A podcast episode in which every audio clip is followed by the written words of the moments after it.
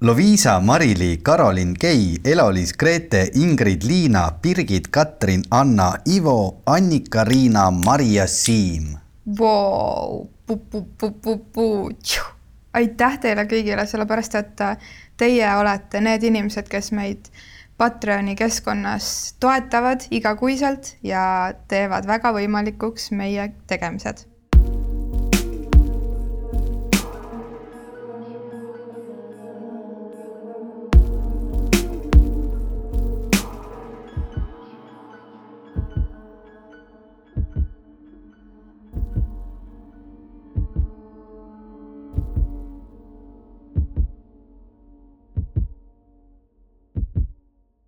tere, tere, head kuulajad, te kuulate tõepoolest taskuhäälingut podcasti armastusest ja mina olen siin oma võluva ja superägeda kaassaatejuhiga Elinaga proovisin täita kahte ülesannet, olla energiline, teha komplimendi ja ma ei tea, kui hästi see mul õnnestus, Elina.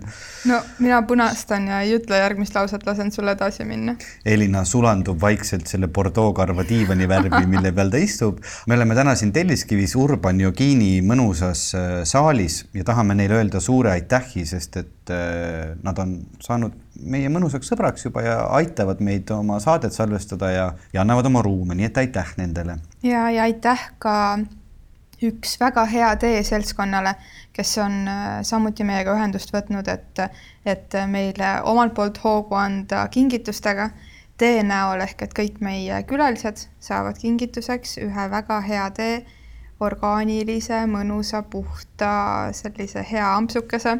Nii et äh, aitäh kõik, kes on, on tulnud meile kuidagi lähedale, et meiega sõpradeks hakata ja et meie tegevusi ühel või teisel moel toetada mm. -hmm. mulle meeldib see Elina, kes juba mitmendat saadet ütleb tegemusi, see on mu lemmiksõna ütlesin uuesti või? meie tegemusi toetada, aga ma arvan, et see, et te annate meile vaikselt musi, see toetabki meie tegemisi.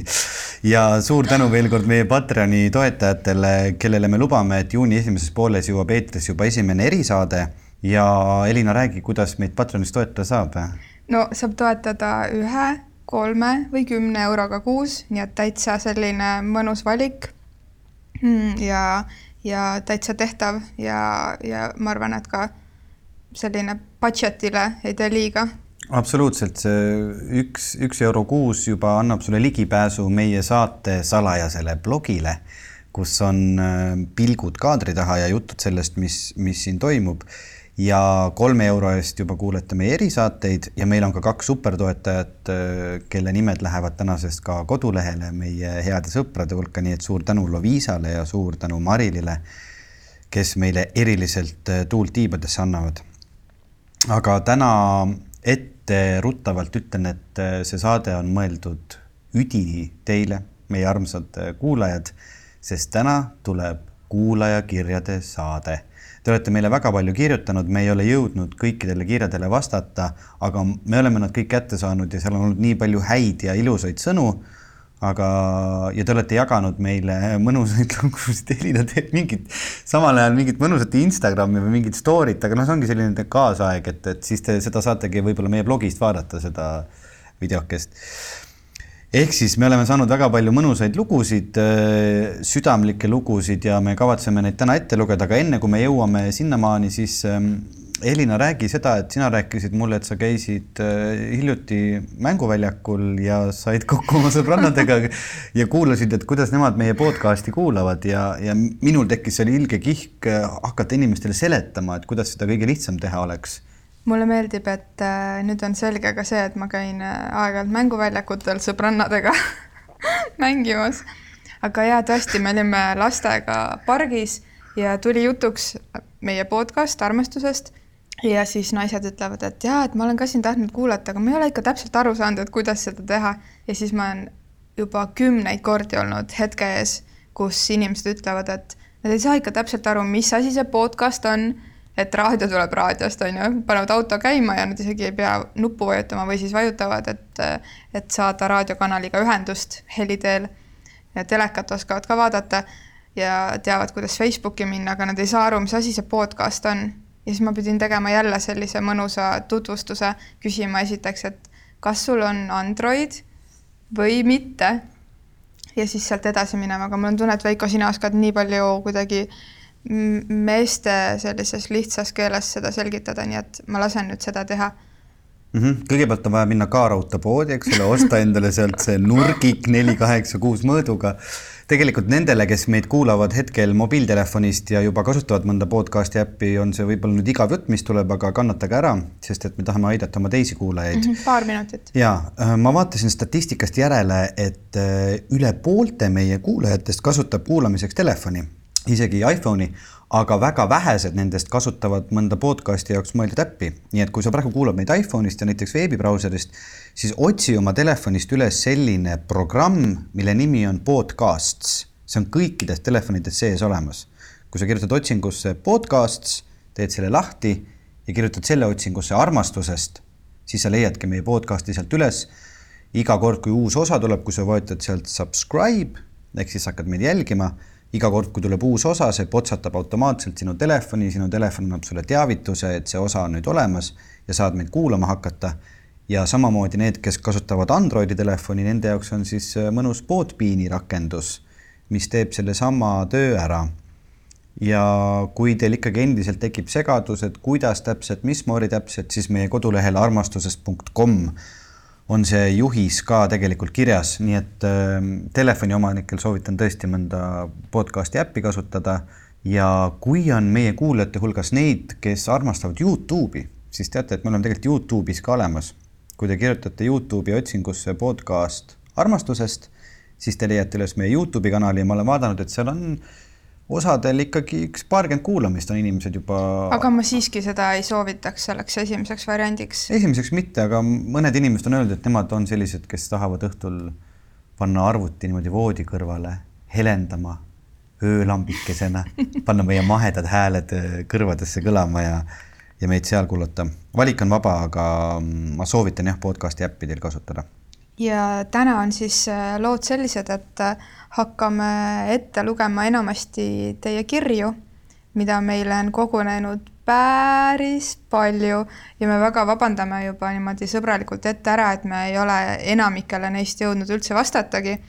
me tõesti oleme need kätte saanud, me tõesti ei jõua kõiki neid kirju täna ette lugeda, aga me oleme teinud äh, mingi sellise mõnusa maheda valiku et oleks väga erinevaid siis äh, pilke äh, meie kuulajatele.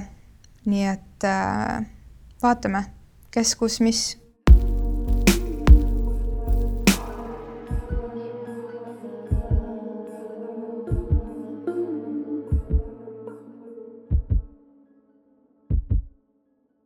veel kord suur tänu kõigile meie kuulajatele, kes on meile kirju kirjutanud ja nagu me oleme ka lubanud, siis ähm, me hoiame teie anonüümsust ja ei hakka siin täna teie nimesid ette lugema ja oleme väga tänulikud teie mõtete, teie lugude üle ja kirjutage meile ikka ja veel, sest et ähm, need, need, need kirjad panevad meie mõtted tööle ja, ja me saame siit oma uute saadete jaoks uusi teemasid ning täna loodetavasti teiega koos kaasa mõelda, arutada, vaadata, kuhu me mingite kirjadega jõuame ja jätta mõned mõtted õhku ja mõned võib-olla lõpuni.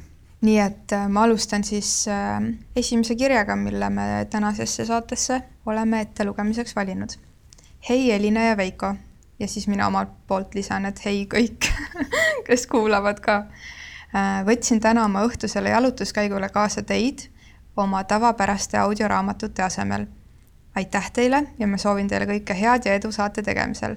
see on selline koht, kus me oleme nii tänulikud, sest et väga palju on tulnud meile kirju, kus soovitakse lihtsalt täiega head, soovitakse tänada selle eest, et me seda kõike teeme. nii et ma tänan äh, siit kohe vastu ka, aitäh, et te tänate ja meie oleme nii tänulikud teie tänude eest mul oli põnev kuulata ja ma tundsin ennast ära mitmes teie mõttes. küsimusele, miks ühiskonnas on vähe armastust, mõtlesin teiega koos enda peas sellise vastuse. ma arvan, et ühiskond areneb täpselt nii nagu inimesed. erinevad inimesed on väga erinevatel arenguastmetel erinevates valdkondades, näiteks kirjaoskus, igapäevased sotsiaalsed oskused ja oskus armastada ka sealhulgas mul on tunne, et järjest rohkem on inimesi, kellel on uudishimu selle vastu, et kes me inimestena siis oleme, mida inimeseks olemine tähendab ja kuidas me kõik omavahel seotud oleme. selles osas endaga samal levelil oleva inimese tunneb pilgust ära täpselt nii, nagu te esimeses osas kirjeldasite ja meil on omavahel lihtne ja põnev sellistest teemadest rääkida. aga terve ports inimesi ei ole veel sinnani jõudnud. Nende jaoks on teised teemad olulised ja nemad suudavad avatud olla muudel teemadel. olmeteemad on lihtsalt palju selgemad ja lihtsamad kui tundeteemad armastusest ja hingevalust rääkimine paneb meid ju haavatavamasse olukorda kui spordist ja toidust rääkimine. mida rohkem inimesi jõuab selleni, et mõelda ja arutada hinge ja inimese olemise teemadel, seda rohkem muutubki kogu ühiskond nendes teemades avatumaks. ja see ei saagi juhtuda üleöö. Kaasa aitab vist tõesti ainult jagamine, rääkides, kirjutades, lauldes või noh, miks mitte ka tantsides. ilusat kevadet teile selline kiri. väga ilus kiri. ma olen äh, ise ka mõelnud sellel teemal, noh, kui me tõesti rääkisime sellest, et kui palju meil seda armastust ühiskonnas on ja ja mismoodi seda sinna rohkem sisse panna, et, et ega see vist muud moodigi ei olegi, et kui see kõik algab meist endast. et selles mõttes, et minul on väga raske võib-olla hakata muutuma oma põlvkonnakaaslasi isegi juba või noh, rääkimata endast vanemaid, et ainukene, mitte ainukene, aga, aga ma tunnen, et üks kõige tugevam asi, mida ma saan teha, on, on lihtsalt nagu anda endast noorematele edasi seda armastuse tunnet ja seda jagamise oskust, sest et kui inimene on juba sellises vanuses, kus ta on välja kujunenud, siis ma ei tea, mis sa arvad, Elina, et kas on võimalik, ütleme ne, tegelikult, kui ma nii nüüd sulle otsa vaatan, siis ma mõtlen, tegelikult peab olema võimalik küll. no ja, vaata, see on seesama lause, et, et mõtle, Veiko, selle peale, kui raske on ennast muuta mm, -hmm. oma harjumusi muuta. väga. nii, ja nüüd mõtle, et sa püüad kedagi teist muuta. siis on ekstra raske ju, on ju, et me ei saa kedagi teist muuta.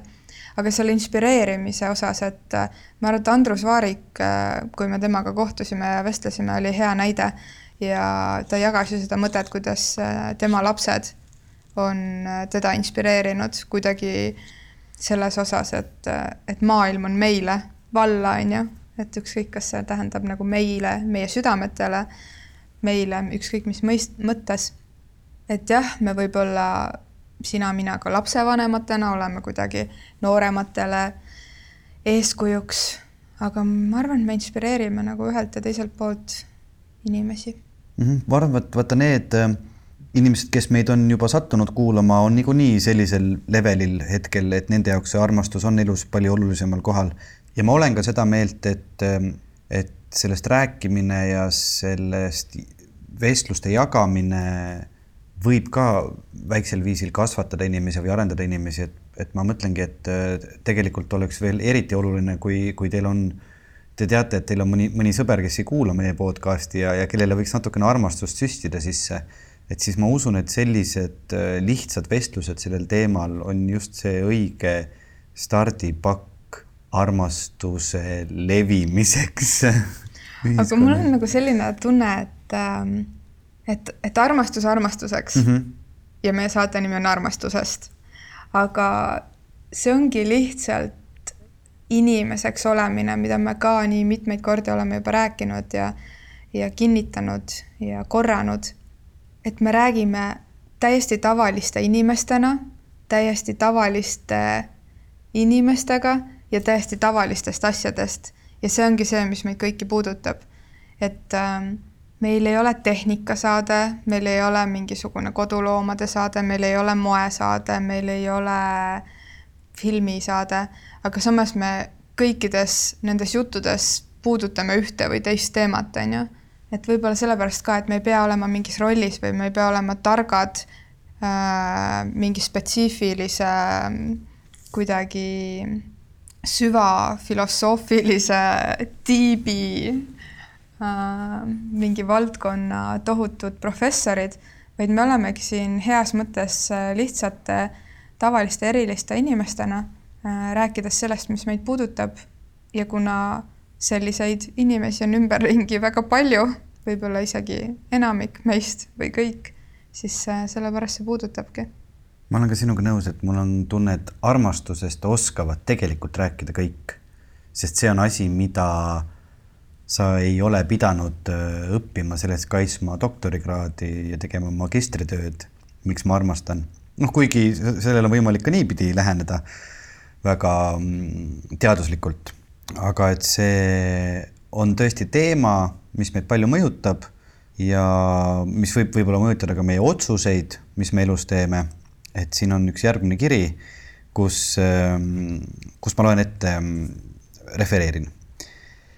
Üheteistkümnendas klassis oli meie koolis võimalik teha kaks riigieksamit, geograafia ja keemia kahjuks oli valik mulle küllaltki keerukas, geograafiat ma väga süviti ei mõistnud, aga vähemalt hinded olid paremad kui keemias. nii, aga mis siis juhtus? olin kõrvuni armunud ühte oma klassiõesse, poisterahvas kirjutab. kui tuli aeg eksamit valida, tuli ta mu juurde ja küsis, mis mul plaanis on. võiksime ju mõlemad keemiat teha, saaksime koos õppida. No ilmselgelt pidin ma sel hetkel ju ütlema, et ka mina tahan keemiat teha võimalus koos eksamiks ette valmistada ja seega rohkem aega koos veeta oli vastupandamatu. isegi kui keskmine hinne oli kolmekandis. see küllaltki ebaratsionaalne otsus muutis mu elu olulisemalt, kui oleksin osanud aimata. armumine jäigi lihtsalt armumiseks, isegi üheteistkümnendas klassis ei julgenud ma seda teisele poolele tunnistada ja nii need asjad jäid. Keemiaeksamil sain ma aga kõigile eriti mulle endale ja õpetajale üllatuseks üheksakümmend üks punkti sajast. sellega kaasnenud enesekindluse tõus loodusainete osas süvendas soovi bioloogiaga aina tõsisemalt edasi tegeleda ja tänaseks on mul doktorikraad. vot kui huvitav siis, milline jõud võib olla armumisel või, või armastusel, et see mõjutab inimese otsuseid nii palju, et ta on isegi kolmesest keemiapoisist võimalik äh, jõuda doktorikraadini välja. ma mäletan ise kuidas ma olen teinud ka koolis samasuguse valiku, mitte küll armumise põhjal, aga sõpruse põhjal. et äh, meil oli ka see, et kui üheksas klass sai läbi, et siis oli võimalik kandideerida, noh, tead eliitkoolist pärit äh, kümnendasse klassi ja mina tegin eksamid nii reaalklassi kui ka humanitaarklassi, olles ise väga humanitaarne inimene. sain ka mõlemasse sisse ja läksin siis direktori juurde, küsis minu käest, noh, Veiko, et kumba klassi siis soovid minna ja kuna koolis mu kaks kõige paremat sõpra läksid reaalklassi, siis ma ütlesin muidugi kohe, et reaalklassi. direktor vaatas mulle ka natukene niimoodi otsa, ütles, et sa oled kindel ja ma ütlesin jah. ja siis ma olingi selline humanitaarne poiss reaalklassis, lugesin salaja matemaatikatunnis raamatuid laua all tegin äh, paralleel humanitaarklassiga kunstiajaloo loenguid kaasa ja, aga ma olen oma otsusega selles mõttes väga rahul, et, et see on andnud mulle mingisuguse reaalsema vaate siis võib-olla elule tänu ka sellele kolmesele matemaatikale ja nii. aga, aga ma usun tõesti, et sellised äh, otsused äh,, tähendab, armastusel on selline võimalus meie otsuseid mõjutada ja see ei pruugi üldse halb olla. võib-olla ongi need just need õiged hetked, kus see meid haarab ja tahab meid kuskile viia. kohtumised ja elu usaldamine. mul tuli kooliga seoses meelde see, et et äh, algklassides mul oli, ma sain nii hästi aru, et kaks pluss kaks on neli, on ju, number kaks, siis plussmärk mm, -hmm. järgmine number kaks, võrdusmärk ja et neli on ju. et kolm pluss kolm on kuus ja üheksa pluss üks on kümme on ju.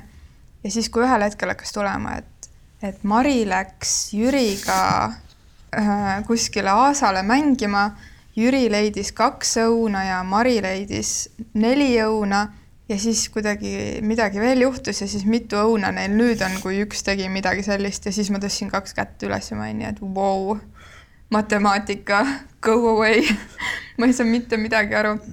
ühesõnaga, äh, kui tulid tekstülesanded, siis minu jaoks oli see matemaatika surm ja siis oli see aeg, kus meil olid väga tugevad poisid just äh, matemaatikas Äh, ja siis me leidsime küll tüdrukutega vabandusi, et äh, me peame poistega minema koos õppima ma arvan, et see oli mingi sihuke seitsmes klass, juba kevadised ilmad ja, ja ratastega siis kellegi klassivenna juurde õppima. aga tegelikult oli lihtsalt see, et nad olid sümpaatsed meile, me tahtsime nendega koos ratastega sõita ja kuskil puude vahel metsas üksteist taga ajada ja peitust mängida. et äh, nii äge, et see õppimine ja kool võib olla selliseks äh, ettekäändeks, et kohtuda. ja sealt tõesti arenevad mingid erinevad lood ja suhted välja. ma arvan, et äh, see poiss, härra, mees, kes meile kirjutas selle eksamikirja, et, äh, et ka täna, kui ta näeks seda tüdrukut, tütarlast, et ta vaatab hoopis teise pilguga kuidagi, et see on mingi selline märgiline tegelane minu elus olnud, kes on mu tänaseks mingis osas juhtinud selle doktorikraadini nendes ainetes, mis, mis koos sai siis kuidagi selgeks tehtud.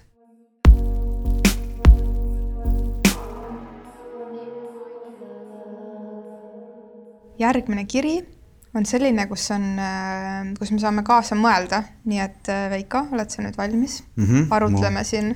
aju on terav nagu harilik pliiats aga see läheb nii ruttu ja nüriks mm, -hmm. siis peab uuesti teritama. ja mul on teritaja kaasas. ah, super. nii, on kiidetud äh, meie saateid, öeldud, et on väga põnev arutelu ja et kulgeb mõnusasti.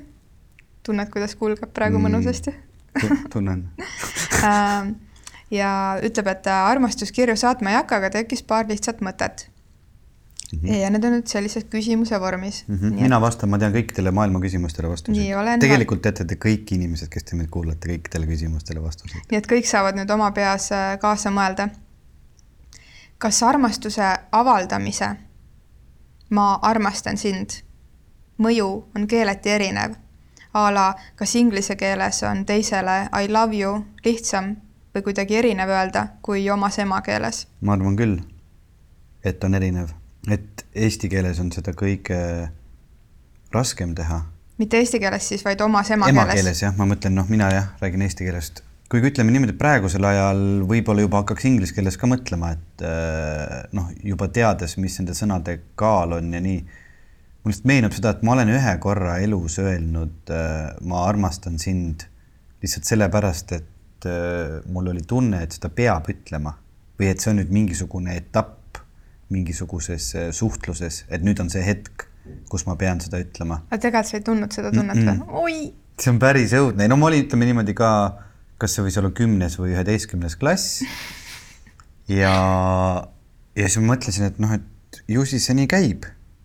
et nüüd on, eks ole, mõnda aega nüüd suheldud ja nüüd tuleb öelda, ma armastan sind ütlesin siis selle ära ja midagi nagu ei tundnud ja päris õudne tagantjärele mõelda, et ma niimoodi tegin ja ma isegi too hetk mäletan, et ma pärast seda väljaütlemist tegelikult kogu aeg mõtlesin, et miks ma seda ütlesin.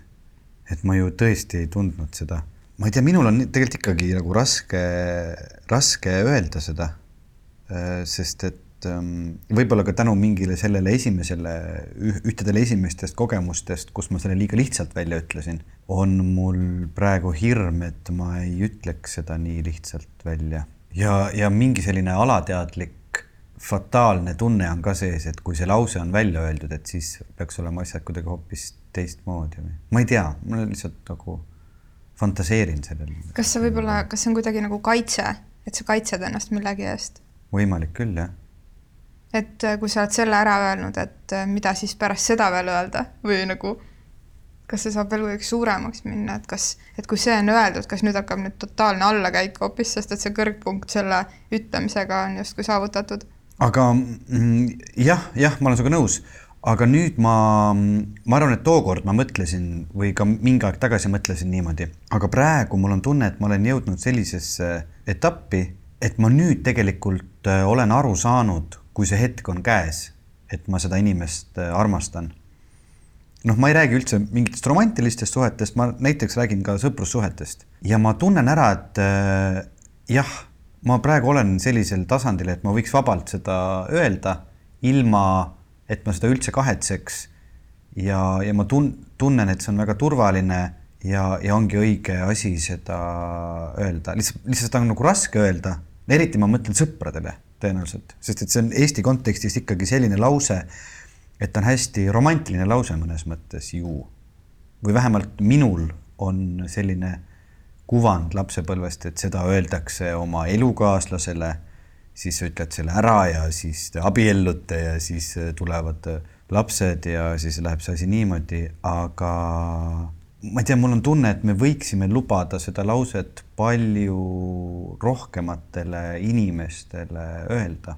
Aga me ei saa muidugi üldistada, aga ma küsin sinult mm -hmm. kui sinult mm, -hmm. aga mhm. sinult kui meesterahvalt, et kas äh, mehed sõpradena kui see sõber on tõesti sulle nii kallis, kas mehed ütlevad üksteisele, et ma armastan sind ja ma vastan enda poolt ära, jah, et äh, mina oma väga-väga lähedaste sõbrannadega ütleme üksteisele, me ütleme üksteisele, ma armastan sind.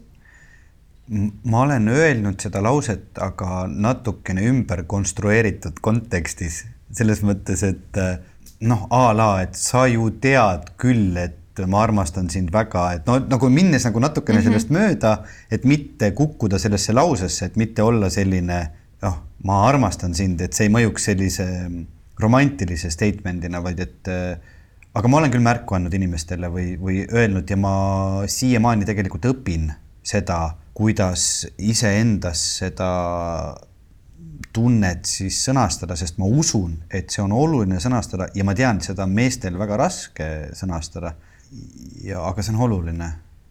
ja, ja kui see tunne sul sees on, näiteks sõprade puhul ja nagu sina ütlesid, et sa oled seda teinud, siis ma arvan ka, et seda on väga oluline teha ja öelda, sest et äh, minul võib olla mingisugune hirm või piinlikkus seda öelda, aga ma usun, et kui see teine inimene seda kuuleb, et tegelikult temale mõjub see ju väga hästi.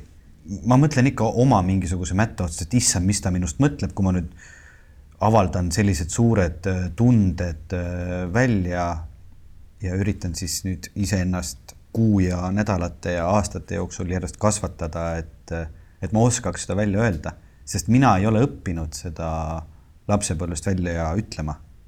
Ma mõtlen lihtsalt seda, et kui ta on su sõber, siis ta armastab sind ka, Veiko. ja ma tean, ma tean, ma tean, ma räägingi, et äh, ma juba olen, no ma olen üsna heas kohas omadega õnneks. ja lihtsalt, et see, et see lause ju kummitab inimesi läbi elu ja, ja saadab meid ja ma mõtlengi, et see võiks olla palju lihtsam mingitel inimestel. ma usun, et naistel on see palju lihtsam kui meestel. Ma ei tea, kas on, aga ma loen äh,, inimesed saavad nüüd ka kuulata oota, ja kaasa sina, mõelda sina ei taha selle Ma armastan sind kohta midagi mm. no vastata? ma võin küll vastata. tead, see on, on ju see kulunud, see põhja, põhja, põhjapooluste, põhjariikide, Nordic countries asi, et, et see rakastan, on ju, armastan, et sihuke kuidagi mingi sihuke raksaki-raksaki, mingisugune see nüanss tuli mul esimesena pähe, aga ma arvan küll, et see on täpselt seesama, sama koht, mille sa välja tõid, et, et kui ma ütlen seda omas emakeeles, siis, siis ma mõtlen seda ilmselt tõsiselt, et siis see on kuidagi rohkem päris. aga kui ma ütlen lihtsalt I love you, siis see võib olla läbi mingisuguse filtri või mingi, mingisuguse sellise läbi mängu pigem.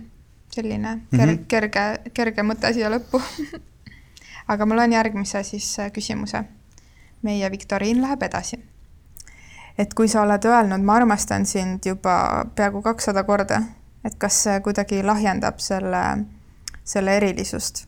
mina arvan, et kui sa ka kahesajandat korda seda öeldes seda tõeliselt usud ja tõeliselt mõtled, siis ei lahjenda. aga kui sa kahesajanda korra peal juba nagu tunned, et sa pead seda ütlema, et sest et partner on juba selline, et sa pole mulle mingi kolm nädalat seda öelnud, et siis, siis vist ma arvan, et kui keegi pole kolm nädalat seda öelnud, siis neil ei ole seda kahesaja korra nagu probleemi. ma arvan, et pigem minu jaoks on see küsimus selles, et, et ma lähen, käin kor korra Selveris, toon pelmeenid, onju, davai, tšau, ma armastan sind, tšau. aa, selles mõttes. ma ei tea, ma ei oska, ma ei oska öelda et see on nii argine, et see on nii argine nagu see, et vitsid, too mulle köögist vett. see võib-olla olenebki siis nagu inimestest või suhetest, et mm -hmm. kuidas see lause on neile neile jäänud siis kõnepruuki, et kui sa nüüd niimoodi tõesti ütled, et sa lähed Selverisse ja hõikad selle sinna vahele ja kuigi samas see võib ka nagu maru tore olla, sest sa võidki too hetk seda väga tõsiselt mõelda mm. -hmm. ja sul ongi see mingisugune selline säde sees ja mine sa tea, võib-olla sa käid seal Selveris, samal ajal kukub pomm, eks ole, teie majale ja see oligi viimane kord, kui sa pidid seda ütlema, issand, õudne lugu. uskumatu, kuidas Sellist... su mõte jooksis praegu. ja, ja tuled tagasi ja siis mõtled, miks ma ei öelnud ukse peal seda et see on, ma arvan, see on väga suhteline mm, -hmm. et seda on väga raske öelda, et kas see devalveerub või mitte, aga mul on ikkagi tunne, et öelge ikka. kui te vähegi see tunne tuleb sisse, siis öelge. Ja siin on veel mõned sellised äh, mõttemängud, aga siin lõpus, mida ma tahaks välja tuua ja millega me tegelikult oleme natuke ka tööd teinud Veikoga, on see, et et tehakse ettepanek, et meie saatesse võiks tulla rääkima inimene, kes ise armastusse ei usu. nii et, et meil oleks selline saatekülaline, kes räägiks meiega armastusest ja tema on siis sellises rollis, kes ise armastusse ei usu, nii et me vaatame, millal meie teele selline inimene satub. võib-olla saab meiega vestlema ühel hetkel keegi. nii et kui te tunnete sellist, sõna on, antagonisti, siis andke meile teada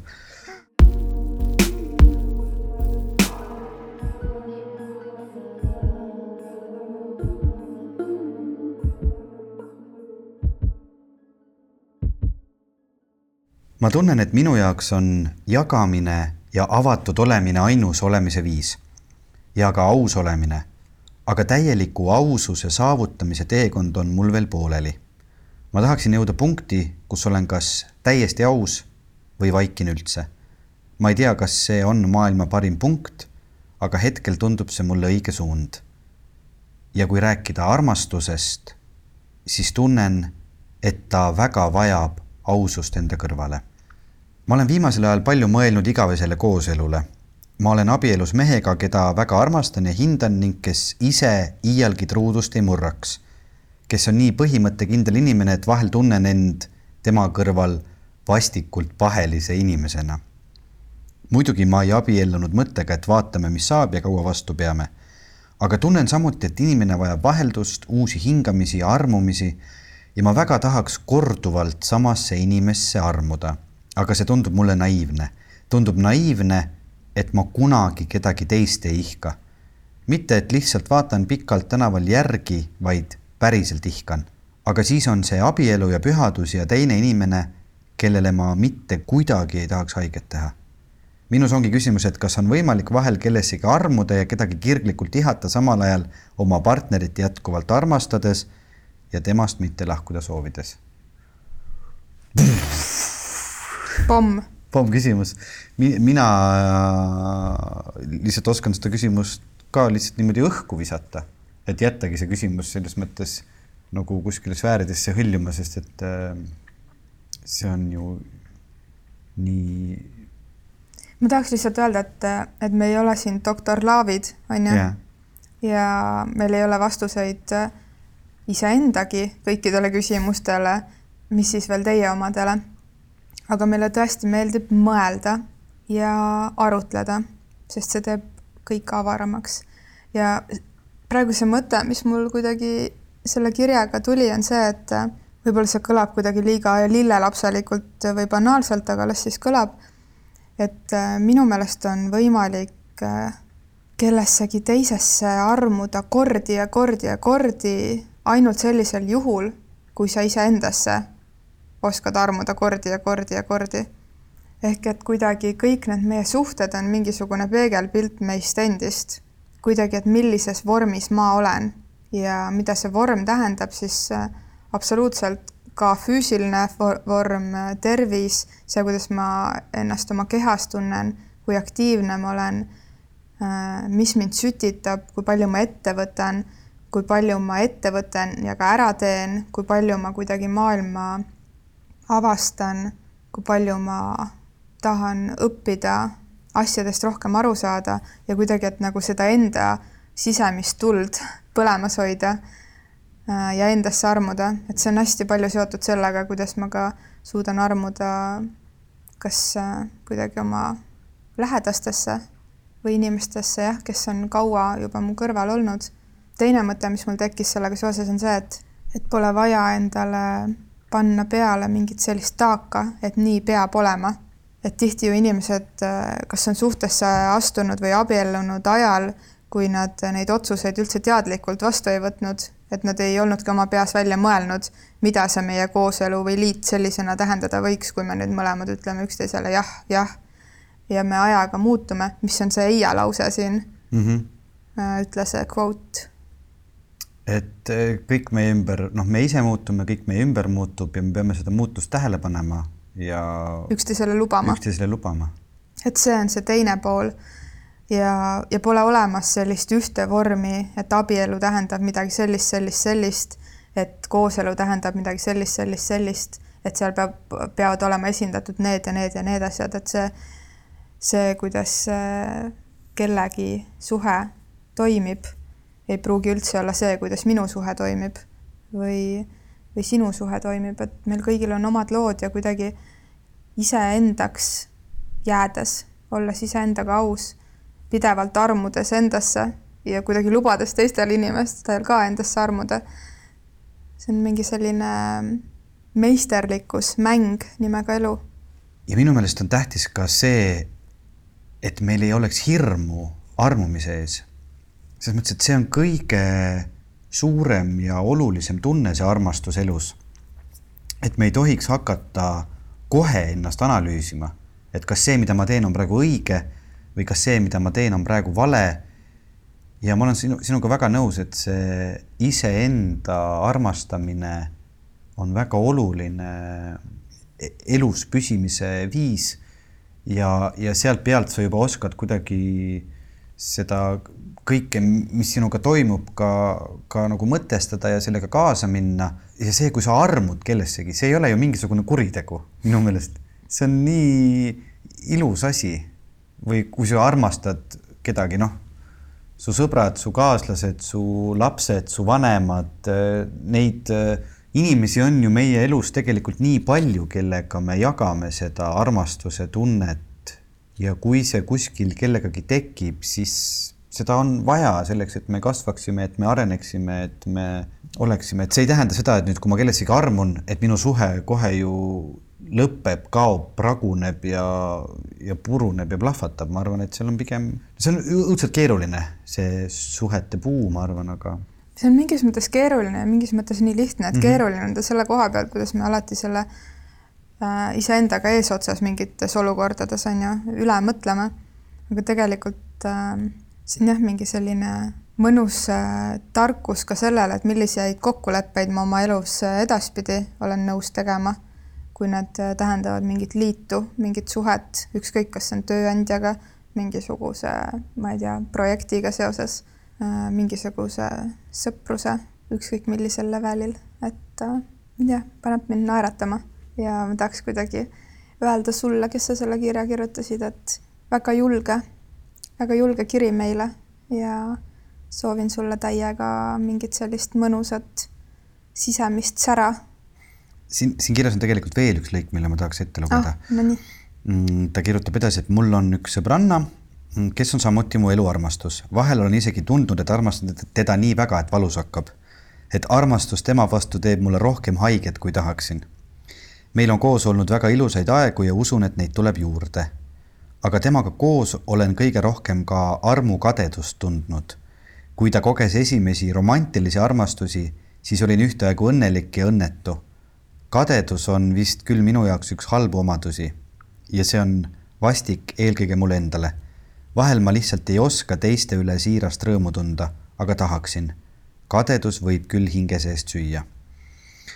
ma nii palju võin öelda, et äh, meie kirjakirjutaja on kahekümne nelja aastane ja ma arvan, et tal läheb selle asjaga aina paremaks, sest ma, ma iseenda pealt, ma ütlen, mul on täpselt samasuguseid äh, olukordi olnud ja see on mõnes mõttes väga inimlik ja see on juba väga tubli, et sa sellest ise aru saad.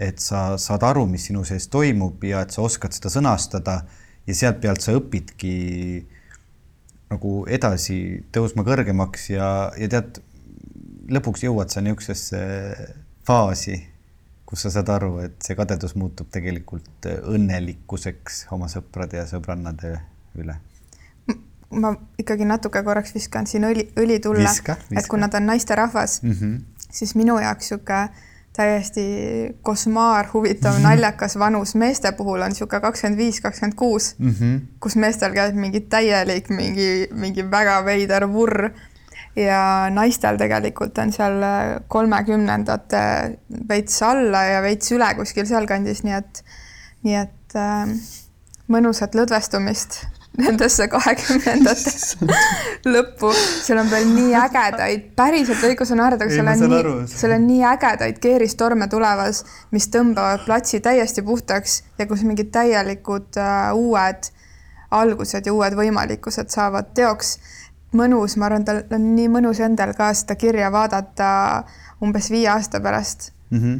sest et äh, nii suured nihked käivad naise elus selles vanuses. täiega, täiega armastust saadan. see on ähm,, ma lihtsalt jäin jälle selle peale mõtlema, et ähm, kui me võtame kuskilt seitsmeteistkümnes, kuueteistkümnes sajand, kus me mäletame neid lugusid armastust, kus kõik, kõik olid vanuses, juba see algas kuskil nagu neliteist, kuusteist, kakskümmend, siis kui jõuti kolmekümnendatesse, siis oldi põhimõtteliselt juba kutud. ja siis on nii huvitav minu jaoks, on tõesti väga huvitav. mõtle, inimene on kakskümmend neli praegu, tolleaegse mm. maailmavaate järgi põhimõtteliselt peaks olema tema elu armumiste ja armastustega läbi ja siis sina räägid seda, et mi- mida, mis veel kõik seda naist ees ootab ja see pani mind naerma, et see on nagu heas mõttes äh, aga ma ütlen seda hästi suure südamega ja ma mõtlengi nagu jaa, et see on heas mõttes nagu selline natuke hirmutav, aga väga põnev ja väga ma lootustandev. just annan lootust, et Just. see elu on ees. ja jaa.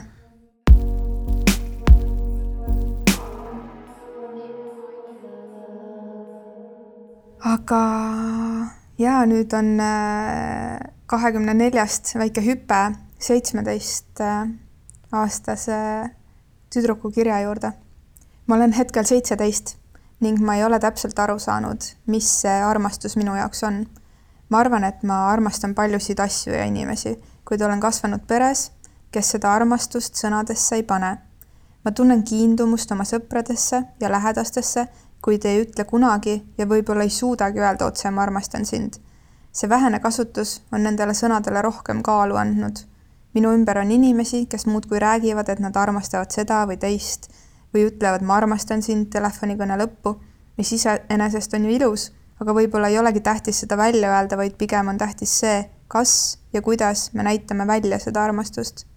kui mina mõtlen armastusele, siis ma ei mõtle romantilisele armastusele.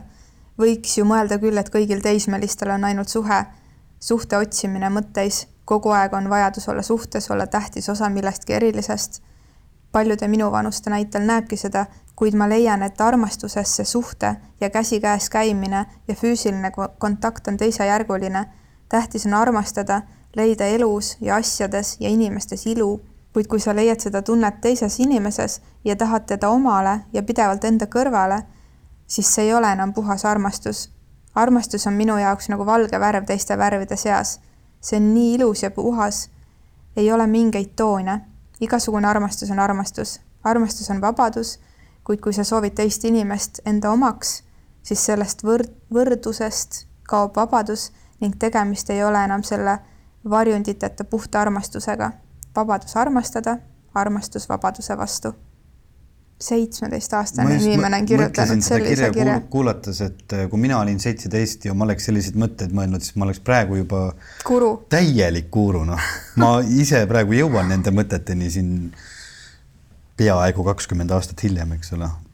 väga, jah, täitsa lõpp on ju, ma, ma ka lugesin seda mõtlesin, et äh, aitäh, et sa oled olemas, aitäh, et sa jagad selliseid mõtteid, aitäh, et sa oled seitseteist, aitäh, et sa lood enda ümber sellist välja, kus ongi lihtsalt võimalik olla, emmata kõigepealt iseennast ja siis kõike, mis teele satub. nii ja siia lõppu veel üks kiri, üks lõik ühest kirjast, kirjutab meesterahvas. mehe ja naise puhul näib mulle armastus põhinevat polaarsuste vahelisest seksuaalsest tõmbest, kus mehelik ning naiselik olemus täiendavad üksteist läbi tões elamise.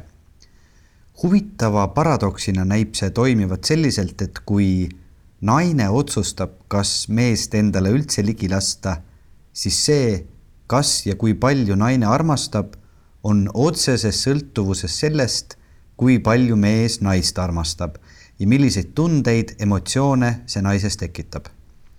eluliselt näib see olevat midagi sellist, kus koos olemise turvatunnet tõmbab nihkesse kättesaamatu kindlustunne, et me kuulume igavesti üksteisele.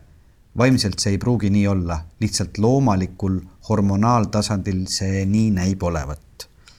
see pole probleem, mida saab lahendada, see näib olevat paradoks, mida peab pidevalt manageerima. naine näib olevat justkui tuulte, tõusude, mõõnade ning päikse käes loksuv emotsioonide ning tunnete ookean ning mees, kes elab oma tões, on kindla sihi ning suunaga jõgi, mis naise sisse voolab ja kui naine lubab sellest jõest saada ookeani hoovuse, siis sõltub kõik mehest, kuidas tõusust, mõõnast ning tormisest ilmast päikese juurde jõuda. see, kui tugev on mehe armastusest voolav hoovus, määrab, kui palju naine seda meest armastab ka kõige tormilisema ilmaga.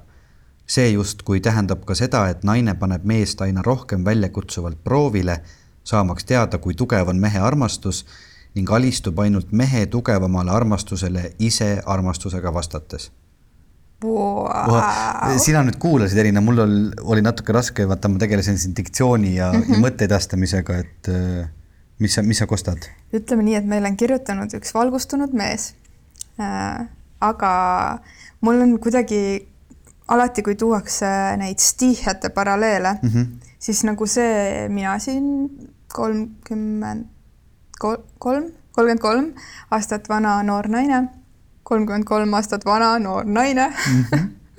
-hmm. täna tunnen seda, et, et kui naine on selline möllav meri või rahulik meri, et siis äh, nii-öelda mees on see sadam või see kindel sadam.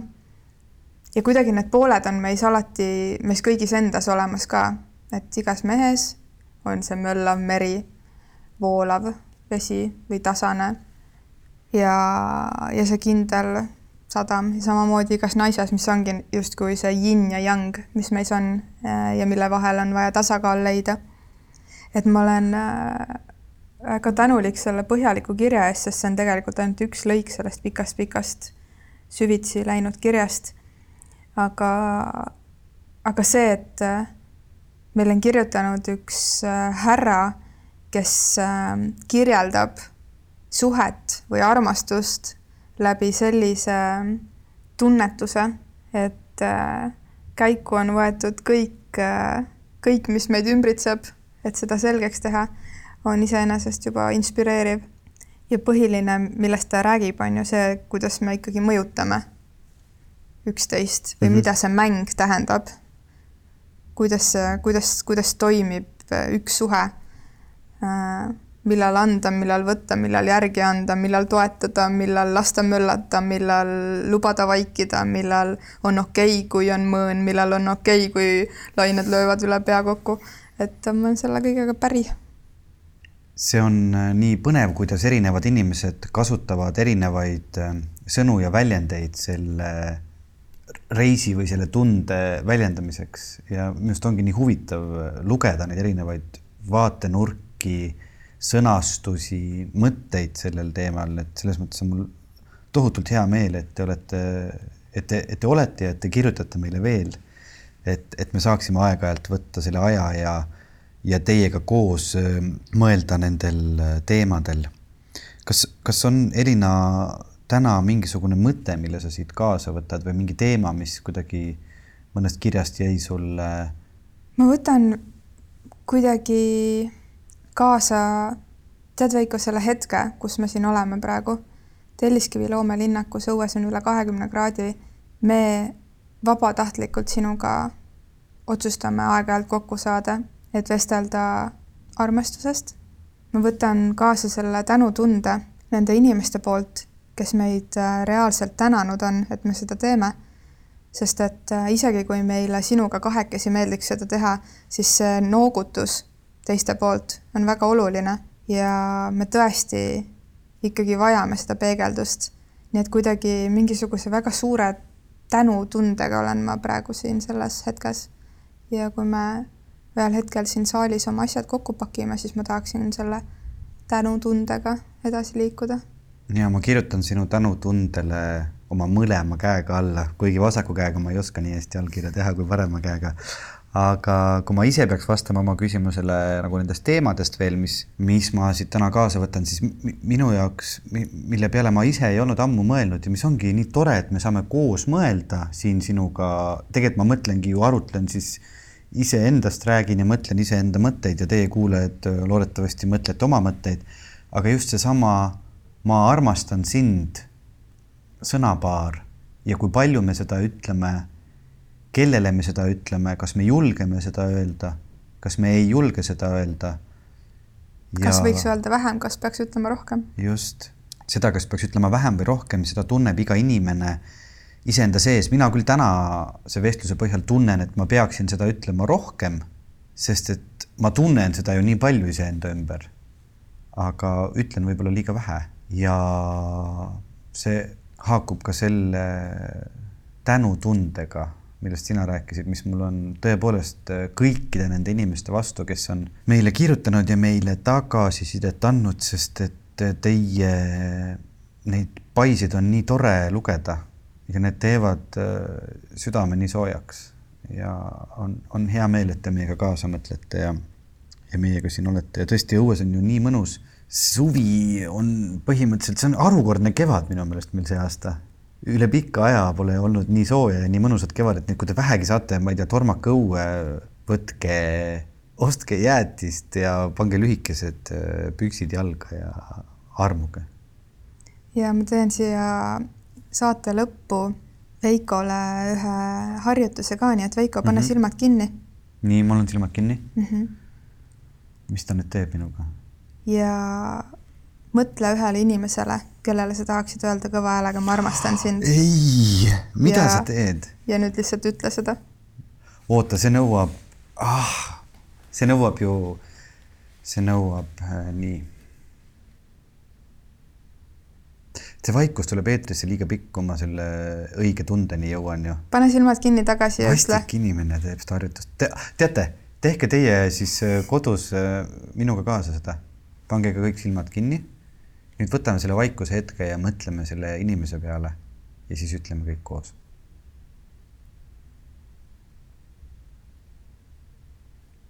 ma armastan sind. ei, ma jätsin kuskile kuidas oli päris nii ei olnud, natuke oli sihuke koolipoisi tunne praegu, tead. kõik on hästi, see oli mhm. harjutus. ma loodan ka, see on hea harjutus, mida, mida teha kodus.